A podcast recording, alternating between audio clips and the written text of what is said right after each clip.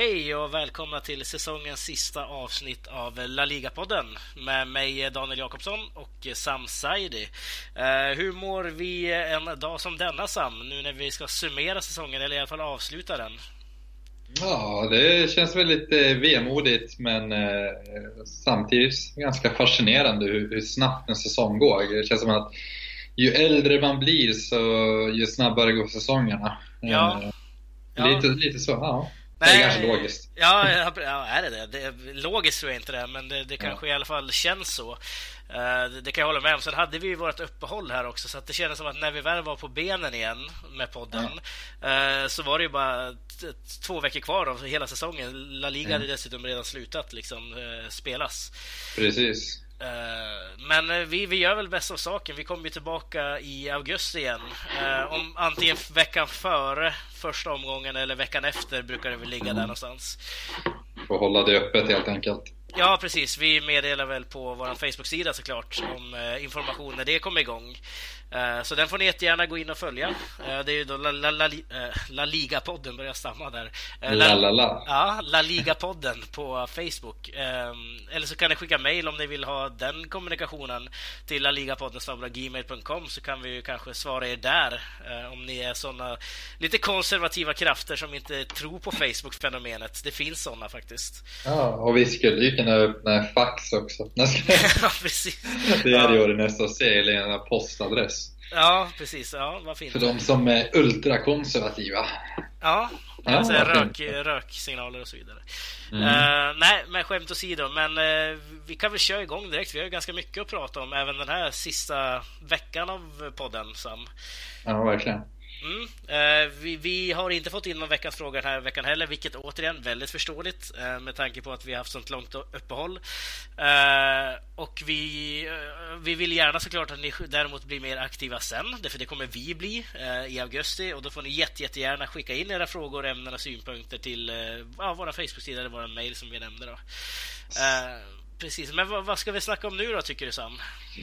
Uh, ja, det finns ju som du sa en, en hel del att snacka om och uh, det, jag, ja, det vi borde börja med tycker jag rent spontant är väl kanske uh, det senaste nytt inom tränarkarusellen, eller vad säga, ja. eller tränarryktena som inte bara är rykten längre utan vi har ju fått lite officiella resultat och vi börjar väl, eh, ja, de här storlagen, det blir ju ofta stor hype när de eh, anställer en ny tränare då. Det ja, är väl privilegierat på många sätt att få eh, ja, ha tillgång till, till så mycket pengar som en tränare får i de klubbarna och eh, så kompetenta spelartrupper. Och Två, Liga 2, Barcelona har ju gjort klart med ny tränare. Eh, och vi spekulerade i förra veckan där vi Eh, där jag tog upp i och för sig Valverde som ett hett alternativ, men vi var även inne på Unzoe och eh, ja, vi spekulerade väl också i San Pauli, men det var inte så trovärdigt och så. Men det blev Valverde och mm. eh, det är väl en...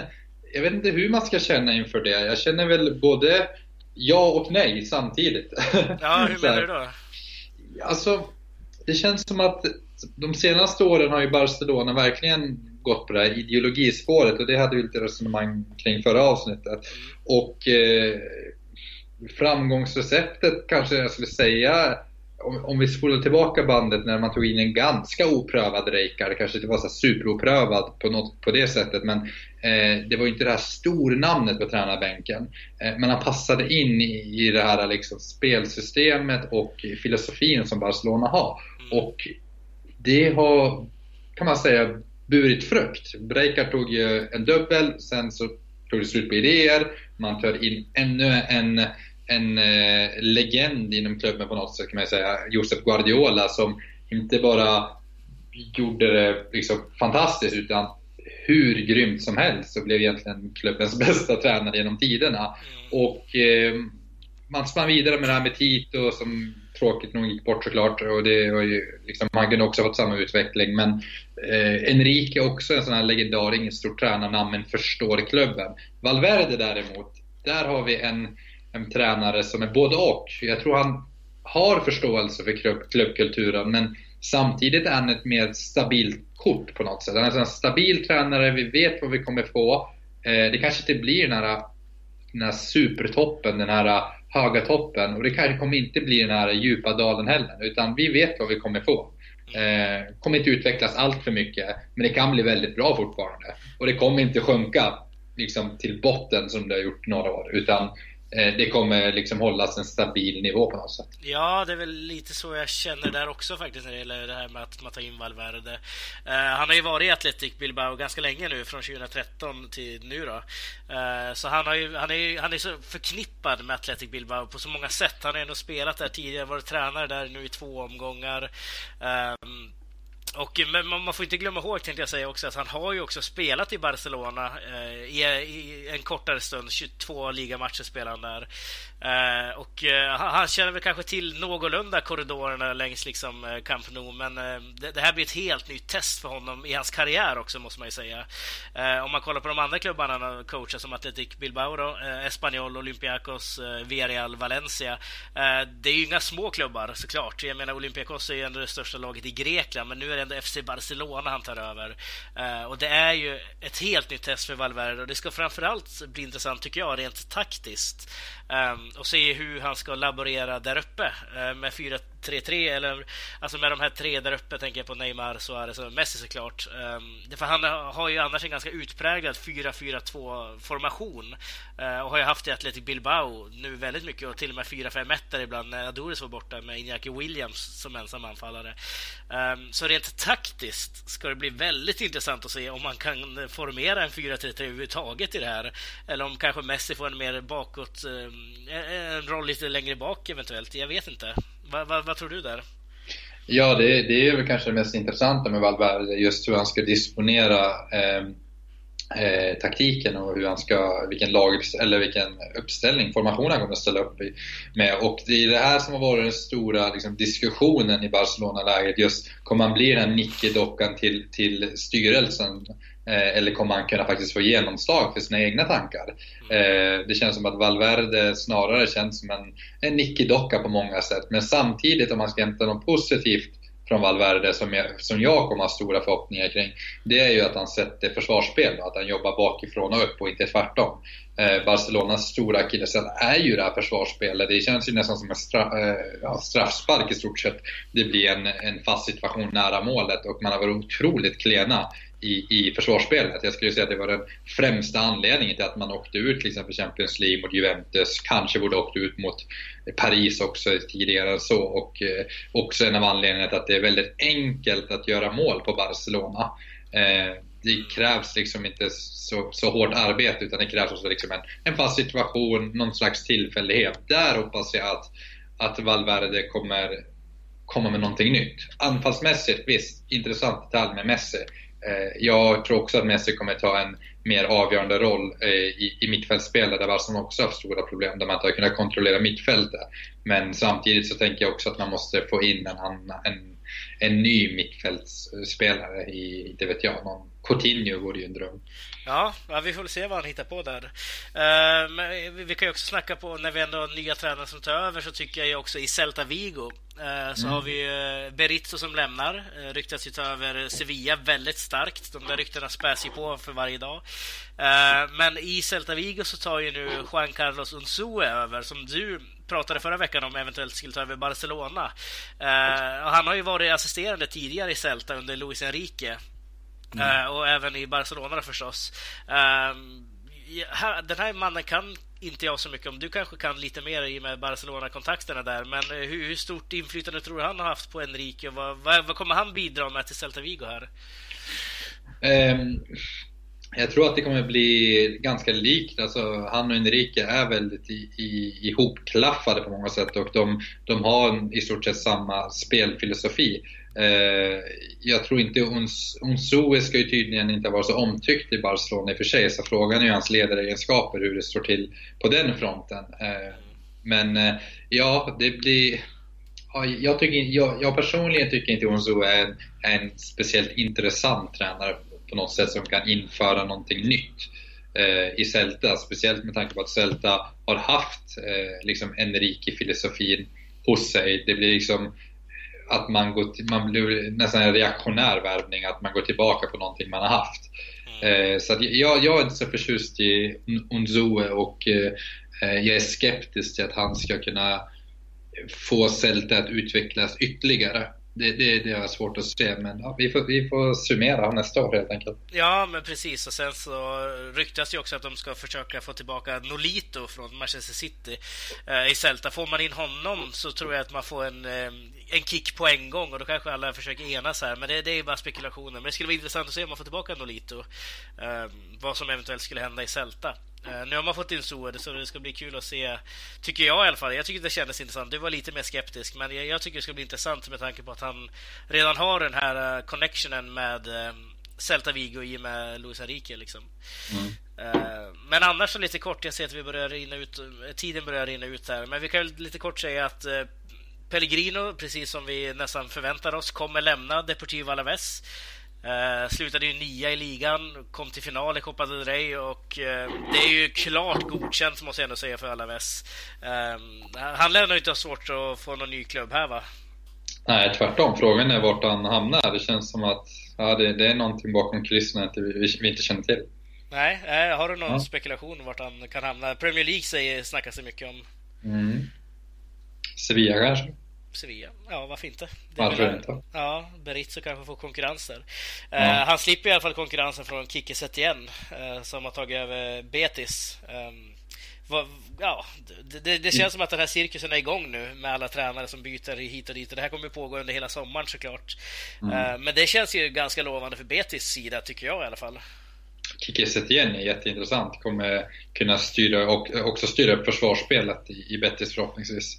Eh, och eh, men det, det, det, den, den, till skillnad från Unzue tror jag att det, det, är en mer intressant värvning som, som eh, Andalusen har gjort. Mm. Ja, härligt. Eh, vi får väl kanske utveckla det mer till sommaren när vi börjar trappa upp med säsongen. Eh, men eh, ja, vi får se hur det går.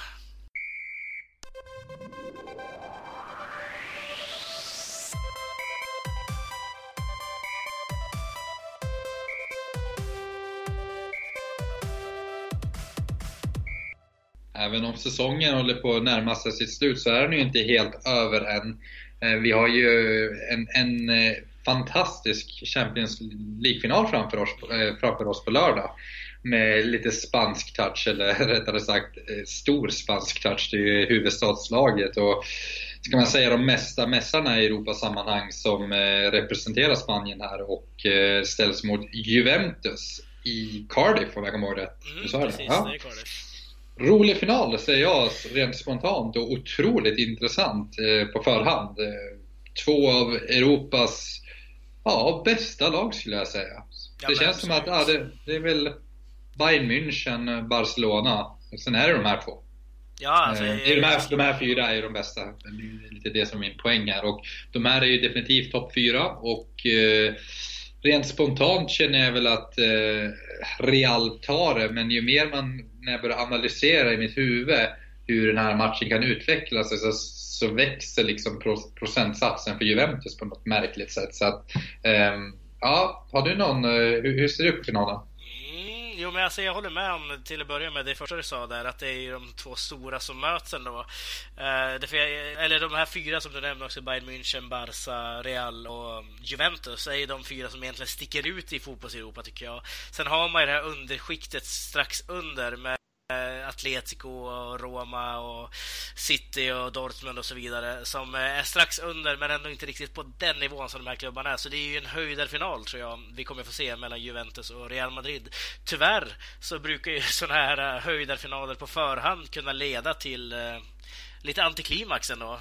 Får se hur Juventus försvar framförallt hanterar de här stenhårda och precisa inläggen som Real Madrid producerar. De har ju, kör ju trebackslinje i Juventus. Uh, så det är framförallt rent taktiskt det ska bli intressant att se hur um, Allegri kommer kontra Zidans liksom, uh, effektiva uh, fotboll, mm. tycker jag. Ja, för det där kommer ju kanske bli den mest intressanta detaljen i matchen, precis som du var inne på. De här tidiga inläggen från Real Madrid som, som ja, men sitter på läppen, eller vad säger men många gånger sitter på Ronaldos panna, Benzema eller de här fasta situationerna. Men till skillnad från det motstånd Real har ställts mot nu så är det här kanske det bästa motståndet de kommer möta i, när det kommer till försvarsspelet i, i, eget, i eget straffområde. Eh, så det där kommer bli nästan matchen i matchen. En annan detalj jag tror kommer bli avgörande det är ju ytterbackspositionerna där eh, i, Juventus. Då. Eh, hur Alves och Marcello kommer de möts ju på den kanten och vem kommer trycka ner vem? Kommer Alves få jobba försvarsspel mer än vad Marcello kommer få göra? Vem kommer ta bollinnehavet? Hur ska man få stopp på Kroos eh, när han kommer ner och hämtar boll och slår sina crossbollar? Alltså det, det är många sådana detaljer som jag på förhand funderar, funderar kring. Och sen eh, givetvis har vi ju Dybala hur matchen där mellan, mellan eh, Dybala och Casemiro kommer Casemiro få ett rött kort eller inte? Han har ju kommit undan lite för många gånger. Mm. Ja, eller om Ramos eventuellt. Han, han är ju ganska pigg och drar på sig röda kort i sådana här viktiga matcher många gånger. Framförallt El Clasico. Uh, han är ju nästan lite för het ibland. Den här hypen om att Pepe ska vara för het uh, tycker jag man nästan kan sudda bort nu. Nu är det mer Ramos man ska oroa sig för i Real Madrid-lägret om jag ska vara helt mm. ärlig. Uh, men Casemiro, absolut. Han kommer få en alltså otroligt viktig roll tror jag i den här matchen. Um, få bort Dybala ur matchen är väl det viktigaste för uh, för, för Real Madrid skulle jag gissa. Uh, sen har man Higuain också i Juventus som man känner till väldigt väl i, uh, i, i, Real. Uh, och han måste man ju försöka stoppa. Han är nog tillsammans med Kedira kanske de som är mest sugen på att ta den här titeln. Kanske Dani Alves också. Mm. Slå till sina gamla antagonister. Ja, verkligen. Och Higuain som har blev ratad lite från Real Madrid just för att han var så svag i Europaspelen har ju verkligen en chans här att ge igen på något sätt ändå. Eh, man var ju väldigt besviken eller missnöjd med Higuains eh, ja, Europaspel eh, helt enkelt. Och nu står han ändå i en final med, med Juventus och det, det, det vib, finns väl lite så Morata-vibbar kring Higuain. Morata som slog ut Real Madrid 2015. Ja. Och ska det bli något liknande scenario nu där släkten, släkten är värst? Det brukar vara en klassisk Real Madrid-fälla. Så att det, det, är väl det som talar för Juventus höll jag på att säga, förutom att det är ett väldigt, väldigt bra lag. Men i det stora hela skulle jag ändå säga att det lutar. Real är en, jag skulle säga 60-40 till Real. Eller ja. Eller? Låter det rimligt? Ja, jag hade nog faktiskt tänkt säga den procentsatsen också. Eventuellt 55-45, därför jag tycker ja. fortfarande det är väldigt jämnt eh, mellan de här två lagen. Sen så har ju faktiskt Real Madrid, som du och jag var inne på innan vi började sända här, att de har ju det här eh, att vinna Champions League två gånger i rad har ju inget annat lag gjort, så det har man ju emot sig också. Eh, och fotbollen bygger ju på tradition, det lever ju på tradition nästan. Mm. Eh, så om man går efter det så ska ju Juventus vinna. Absolut, och det, det, kan ju bli en mental eh, liksom bit åt båda håll. Någonstans kan det ju bli någon slags eh, motivation, extra motivation att de vill slå det här rekordet. Eh, att det kanske höjer motivationsnivå eh, ytterligare ett steg. Eh, det kommer ju, det är bara i sig en final, ger ju mycket motivation. Men också som du säger kan det ju bli en mental aspekt att går det lite motväg då kan liksom de här tankarna komma in i huvudet att fotbollstraditionen är starkare än det enskilda laget. Ja, spöket lever vidare. Liksom. Ja, lite sånt. Visst, det kan låta lite ja, men, lite banalt och lite kanske så att vi överdriver. Men det är som du säger, fotbollstradition är starkare än man tror ofta. Ja, eh, men om man kollar på liksom spelartruppen i sig då. Alltså både Real Madrid och Juventus sägs ju nu ha Eh, Eh, det är inga skador eller avstängningar eller sådär, så att alla spelare sägs ju nu vara redo för spel i de här trupperna. Och det är ju inga dåliga spelare som kan ställas ut på banan direkt. Ehm, men det som egentligen har diskuterats väldigt mycket i Spanien är ju Isco-Bale-diskussionen. Eh, vem som ska ta den platsen. Och där tror jag, jag vet inte vad du tycker, men jag tycker personligen att Isco ska spela. Ehm, jag tycker inte att eh, Bale har... I och för sig, han, han brukar kunna kliva fram i sådana här matcher också. Man minns ju Copa del Rey mot eh, Barca för några år sedan. Eh, men Isco tycker jag, med tanke på den våren han har gjort, förtjänar att starta mot Juventus i den här finalen istället för Bale. Vad, vad, vad tycker du? Jag håller med 100% och Isco ger en ny dimension i Real Madrids spel. Det kan ju, vissa matcher så stämmer ju inte det här inläggsspelet så himla bra. Eh, där liksom försvararna lyckas eh, stå emot väldigt länge. Och där fyller ju Isco en, har ju Isco en helt annan spelstil jämfört med övriga spelare i Real Madrid. Han kan ju söka upp den här ytan mellan motståndarnas eh, försvarslinje och mittfält. Och man kan liksom sätta in den på fötterna på honom och han liksom löser de här trånga situationerna. Det är ju liksom lite mer Barcelona-stuk över Isco. Eh, och eh, han har ju tagit de egenskaperna han besitter och gjort det bästa i, det, i Real Madrids system. Han, där har man kunnat växla mellan det här mer direkta spelet där man slår in bollen i boxen väldigt direkt samtidigt som man har kunnat hålla i bollen och kanske komma med lite instick och luckra upp försvar. Och den dimensionen kan inte Bale erbjuda på samma sätt som Isco kan. Nej, nej, bra analys. Jag håller med. Ja. Jag tycker också att Isco ska få, få chansen här med tanke på, um, just som du säger, att han kan luckra upp på ett annat sätt. Jag menar, Gabe, Gale, äh, Bale är ju inte heller den person han en gång var, eller den spelaren i alla fall. Personen är han säkert samma. Men jag, då tänker jag på det här som man ofta snackade om tidigare, det här Taxi Bale. Eh, att han skulle vara den snabba liksom, på vänsterkanten där och bara springa förbi och mala sönder sina spelare, motståndare. Det gör han ju inte längre. Eh, så Bale tycker jag har, den här säsongen har väl någonstans punkterat hans eh, chans att få starta i Zidans lag nästa år till och med, tycker jag. Ja, jag håller med och han är ju så pass skadebenägen så att, nej, jag tycker det känns det fel om Isco inte får starta. Sen ska vi fortfarande komma ihåg att Bale är en väldigt duktig spelare fortfarande. Eh, och att eh, jag tror Bale kommer vara perfekt att ha om matchen står och väger. Och liksom lite mjölksyra i benen och sen kommer Bale in med sina fantastiska ben, eller vad säga. med, med, med, sina, med sina vältränade lår och liksom styrka och eh, kraft, eh, genombrottskraft. Och där tror jag, tror jag liksom han fyller ändå en viktig viktig breddfunktion. Och visst, det är som du säger, han kommer nog kanske inte vara den här startspelaren nästa år. Och frågan är om, man, om det bästa inte vore om Real Madrid säljer honom. Mm. Ja, verkligen. Sen eh, också högerbacks positionen är intressant. Nu är Carvajal tillbaka, eh, enligt rapporterna. i alla fall. Och det känns ju lite betryggande för Real Madrids del kanske att slippa Danilo där ute. Som inte har rosat marknaden kan jag tycka många gånger. Utan han ställer sig ofta fel i försvarsspelet. Eh, så Carvajal tror jag också blir väldigt viktig när det gäller just försvarsspelet. Att möta exempelvis Dybala eller liknande. Eh, vem det nu blir på den kanten. Verkligen. Och eh, det, det, han, han är också en viktig kraft i offensiven. Då är det inte bara Marcello som är farlig på vänsterkanten utan man glömmer då bort Carvajal som i stort sett har en lika bra högerfot som Marcello har vänsterfot. Ja, eh, men matchen då som sagt, var, vi, vi, ska ju tippa den i slutet av det här programmet tänkte jag. Eh, kanske redovisa resultatet i augusti eller liknande. Men vad, vad tror vi då? Rent spontant. En spelare fäller avgörandet. När, hur, var? Ja, det måste väl bli Ronaldo va? Ja, stopptid, straffläggning, full tid. Ja, ja precis. Eh, osynlig hela matchen i stort sett. Eh, bidrar inte så mycket i spelet men när vi summerar matchen så ja, ja, två, två mål har han gjort och 2-0 till Real Madrid. Det, det vore inte helt osannolikt. Nej, då, då, säger jag att eh, Real Madrid, jag tror också att Real Madrid tar, tar det här och eh, vi, vi, har en viss Sergio Ramos eh, som kommer nicka in avgörande målet i 93 minuten, säger jag. Ja, det... det är inte osannolikt ändå. Nej, det är inte osannolikt.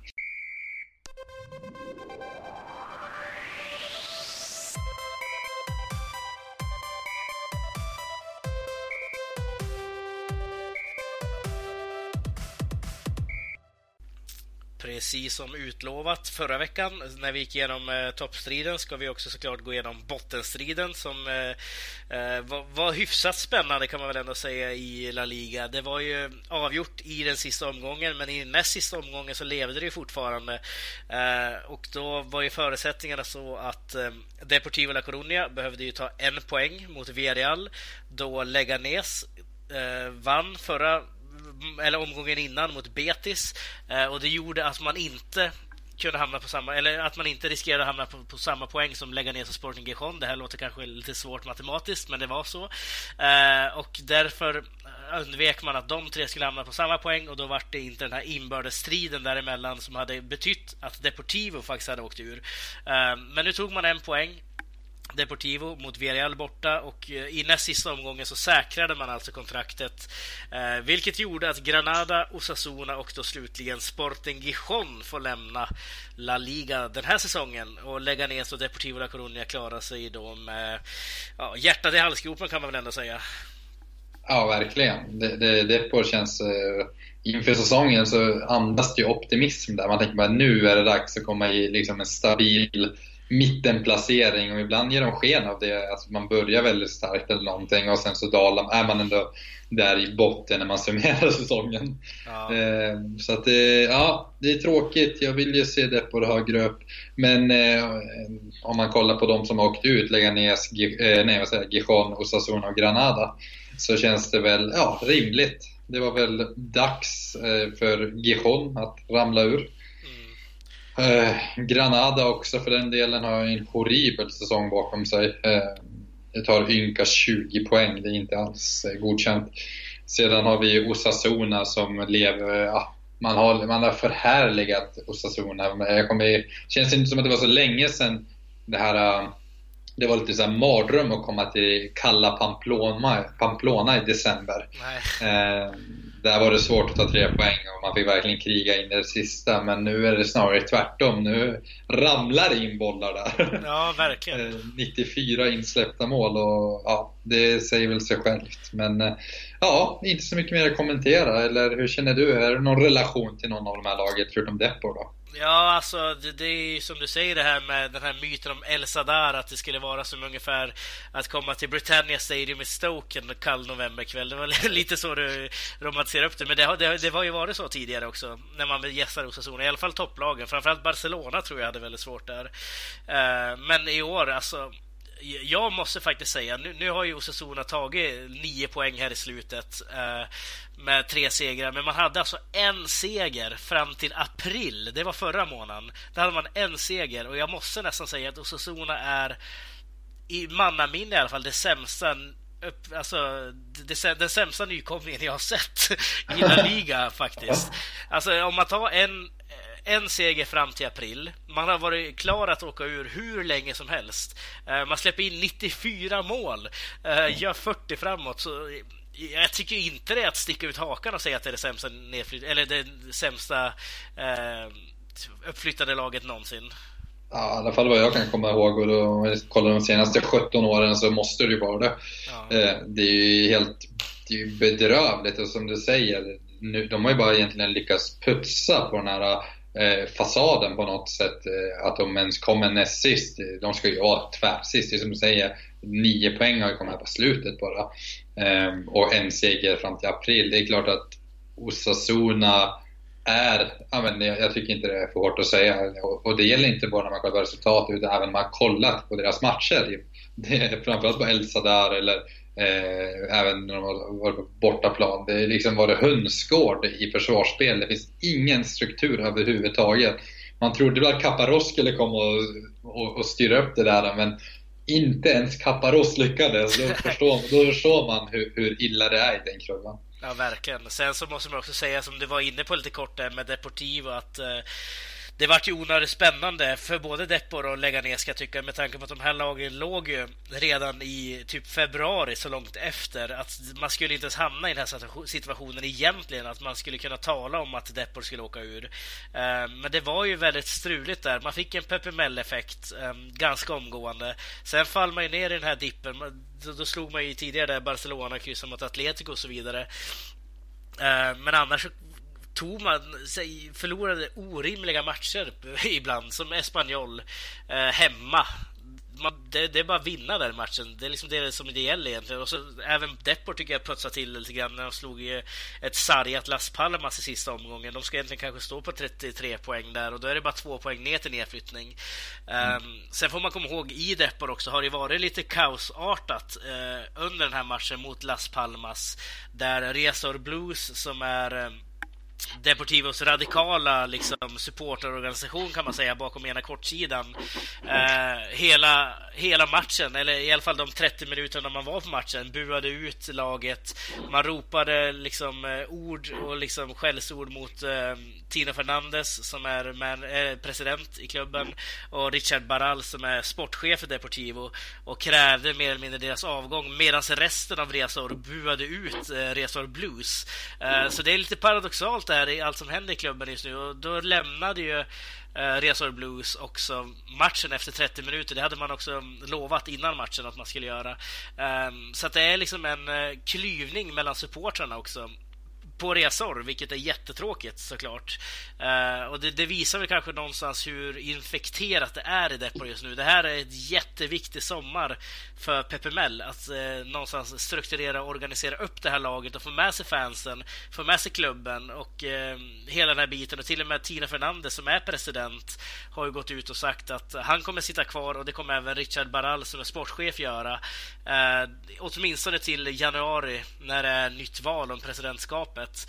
Eh, men att han ens går ut och säger en sån sak visar ju på hur mycket påtryckningar det är på att de ska avgå, hela, hela ledningen egentligen. Eh, och vi får väl se vart det här leder under sommaren om, om, om man lyckas ena eller om man inte lyckas ena. För lyckas man inte ena, då kommer man ligga här nere nästa säsong igen. Det är jag helt säker på. Mm, det låter lite Valencia-varning på Depor just nu. Mm. Eh, där är också mycket kaos bakom kulisserna i flera säsonger i rad nu. Och sedan så tycker jag en, en liten notis att ha ett val i januari mitt i säsongen, det förstår jag inte hur man har tänkt där riktigt. Det måste ju ske under sommaruppehållet. Ja, eh, att man ska äventyra en hel säsong på grund av ett val, det är inte optimalt. Så ja, det blir en spännande följetong att följa eh, med Deportivo La Coruña. Ja, verkligen. Och det, ska jag också säga att det, det, var, ett sånt där val gjorde man ju tidigare när Augusto Cesar Lendoiro var president i Depor. Eh, då hade man också mitt i säsongen och han förlorade ju det valet efter typ 30 år eller liknande. Eh, och då kom Tina Fernandes in och styrde upp det. Och mycket av den här kritiken, bara avslutningsvis här, har ju legat i att man sålde Lucas Perez till Arsenal för 25 miljoner euro eller liknande. Så man hade ju pengar, men de här pengarna använde man inte på spelarköp utan eh, man betalar istället av sina skulder, vilket är ganska rimligt kan jag tycka. Eh, men Resor Blues har ju vänt sig emot det och tycker då att man ska lägga det på spelarköp, man ska ut i Europa igen, man ska liksom utmana och så vidare. Eh, så att vi, ja, vi får se helt enkelt. Mm. Mm. Behöver någon superinvesterare kanske? Ja, eventuellt. Eventuellt, ja. Ja, vad finns det mer att tillägga? Eh, ja, ska vi kika på min veckolista kanske? Ja, inte riktigt än tror jag. Vi kan kolla lite snabbt åtminstone vilka lag som uh, går upp till La Liga. Ja, det kan vi göra. Ja, det är, det är ju intressant. Det lovade ja. vi också att vi skulle göra, så det är väl bäst att vi kikar på det. Absolut. uh, ja, du, du har väl lite bättre koll än mig där. Hur ser det ut i Segundan? Ja, bättre koll vet jag väl inte. Jag har faktiskt inte sett en enda match från Segundan i år, vilket inte är så vanligt. Det var ju vanligare när Depor var nere där och krigade, men det man kan se i alla fall är ju det hemska som händer i Mallorca till att börja med. De eh, håller på att ramla ur Segundan, vilket eh, inte alls är roligt kan jag tycka med tanke på den klassiska klubben. Eh, även Elche håller på att ramla ur, men eh, lite intressantare för oss som kanske följer La Liga på mer vardaglig basis så kan vi säga att de som åkte ur i fjol, eh, Rayo Vallecano, de kommer inte att kunna slåss längre om en eh, uppflyttningsplats. De är helt eh, avsågade där. Eh, även eh, Getafe, eller Getafe ska jag säga snarare, de ligger ju faktiskt på en eh, kvalplats. Oh, nej. ja, du, du jublade förra året när Getafe åkte ur. ja, just det. Nu kommer de tillbaka.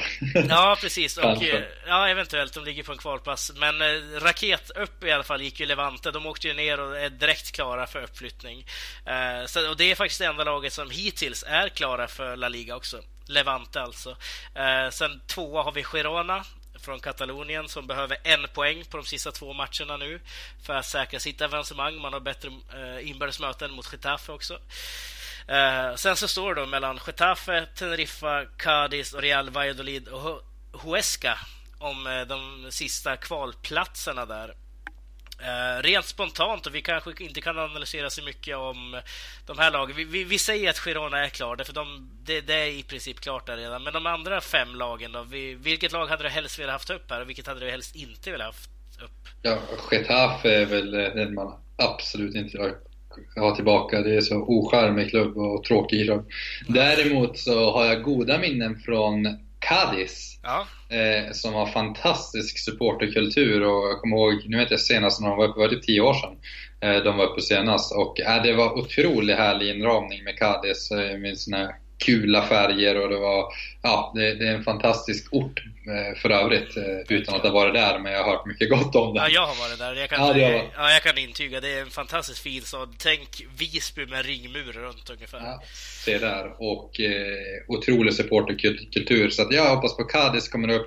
Jag tycker det ska bli kul om Girona kommer upp och får ett katalans derby. Girona som annars är känd för sin flygplats med Ryanair om man ska se Barcelona. Höll jag säga. Eh, men eh, ja, så Girona och Cadiz, bort med Getafe och jag är väl inte heller så förtjust. Nej, sen har jag nog ingen någon, någon liksom aggression mot ett annat lag. nej, nej, men jag, jag stryker väl under det. Cadiz skulle vara roligast att få upp och Getafe är väl tråkigast. Eh, sen har man såklart Teneriffa. Det är alltid kul att få tillbaka ett lag från eh, öarna och då får vi dessutom ett derby mot Las Palmas om det skulle hända. Eh, Real Valladolid är ju också en ny klassiker kan man väl säga. De går ju upp och ner lite sådär. Eh, Huesca har jag ingen riktig relation till förutom att man är Deportivo, mitt Depor har ju mött Huesca väldigt många gånger nere i segundan. Ehm, och intressantast där är väl kanske att de slutar, de ligger i alla fall just nu 10 poäng före storebror Real Zaragoza. Det är ju derby där. Ehm, så det skulle vara intressant att se om de tog kliv upp bara för att eh, reta Real Zaragoza egentligen. Ja. Ja. Zaragoza saknar man ju för övrigt. Det var en härlig klubb. Ja. Eller är en härlig klubb. Ja, verkligen. Det måste man säga. Men nu däremot Men... så tror jag att vi måste börja summera. Eller skulle du säga någonting mer där? Nej, in, inget mer. Eh, får väl köra veckolistan som får bli en årslista snarare. Ja. Eh, ja, så jag tänkte försöka summera och det otroligt utmaningar som Faubert och årets Tokiero.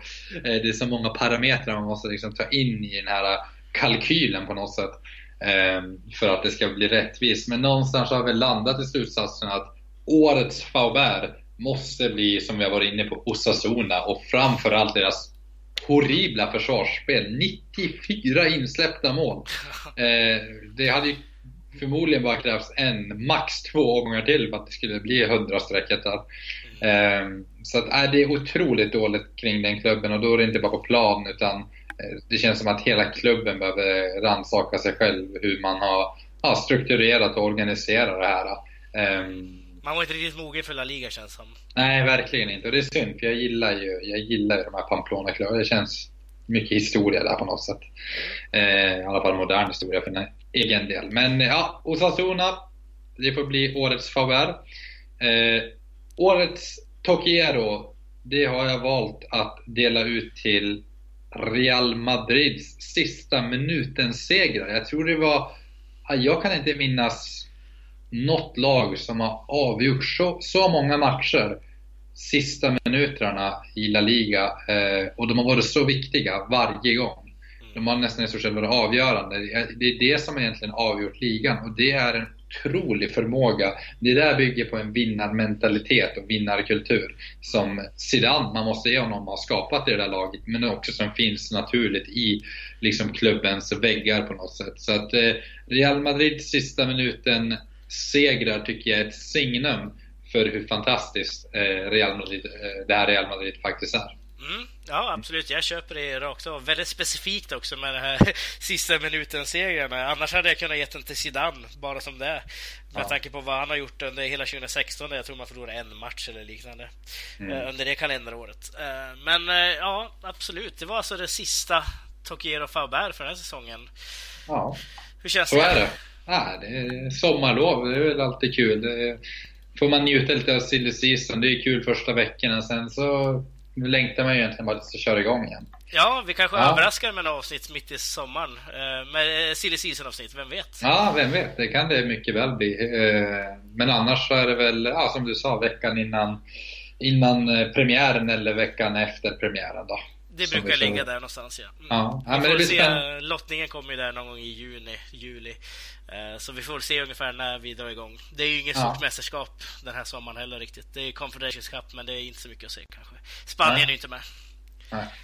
Se där. Nej, men det, det har varit en rolig säsong ändå, eller hur? Ja, Vad verkligen. säger du? Ja, har. Du någon, har du någon topp du skulle vilja lyfta fram? Oj! Det, det kom oväntat. Det har jag inte ens tänkt ut. Men eh, Sevillas vårsäsong, när de på allvar låg där uppe och utmanade kanske? Ja, höst kanske. Ja, höstsäsong menar jag såklart. Ja. Mm. Precis. Ja, det, var, ah, det finns så mycket gott. Ah, ja, det tog ju ja. Real Madrid i och för sig. Ja. Ja, ja, vi får se. Vi får se vi- vad som händer nästa säsong så kör vi då. Ja, precis. Men vi rundar väl av här då. Och eh, tack så jättemycket för att ni har varit med oss hela säsongen. Ni har varit helt fantastiska som eh, kommenterar och gillar och delar allt vi gör. Och det är egentligen tack vare er som vi kör på. Vi tycker det är skitkul att ni är så engagerade i det vi gör, ni lyssnare. Eh, Så att, eh, nej, men vi, vi säger väl eh, glad sommar. Och eh, hej då på återhörande i augusti. Yes, hej då! Hej, hej!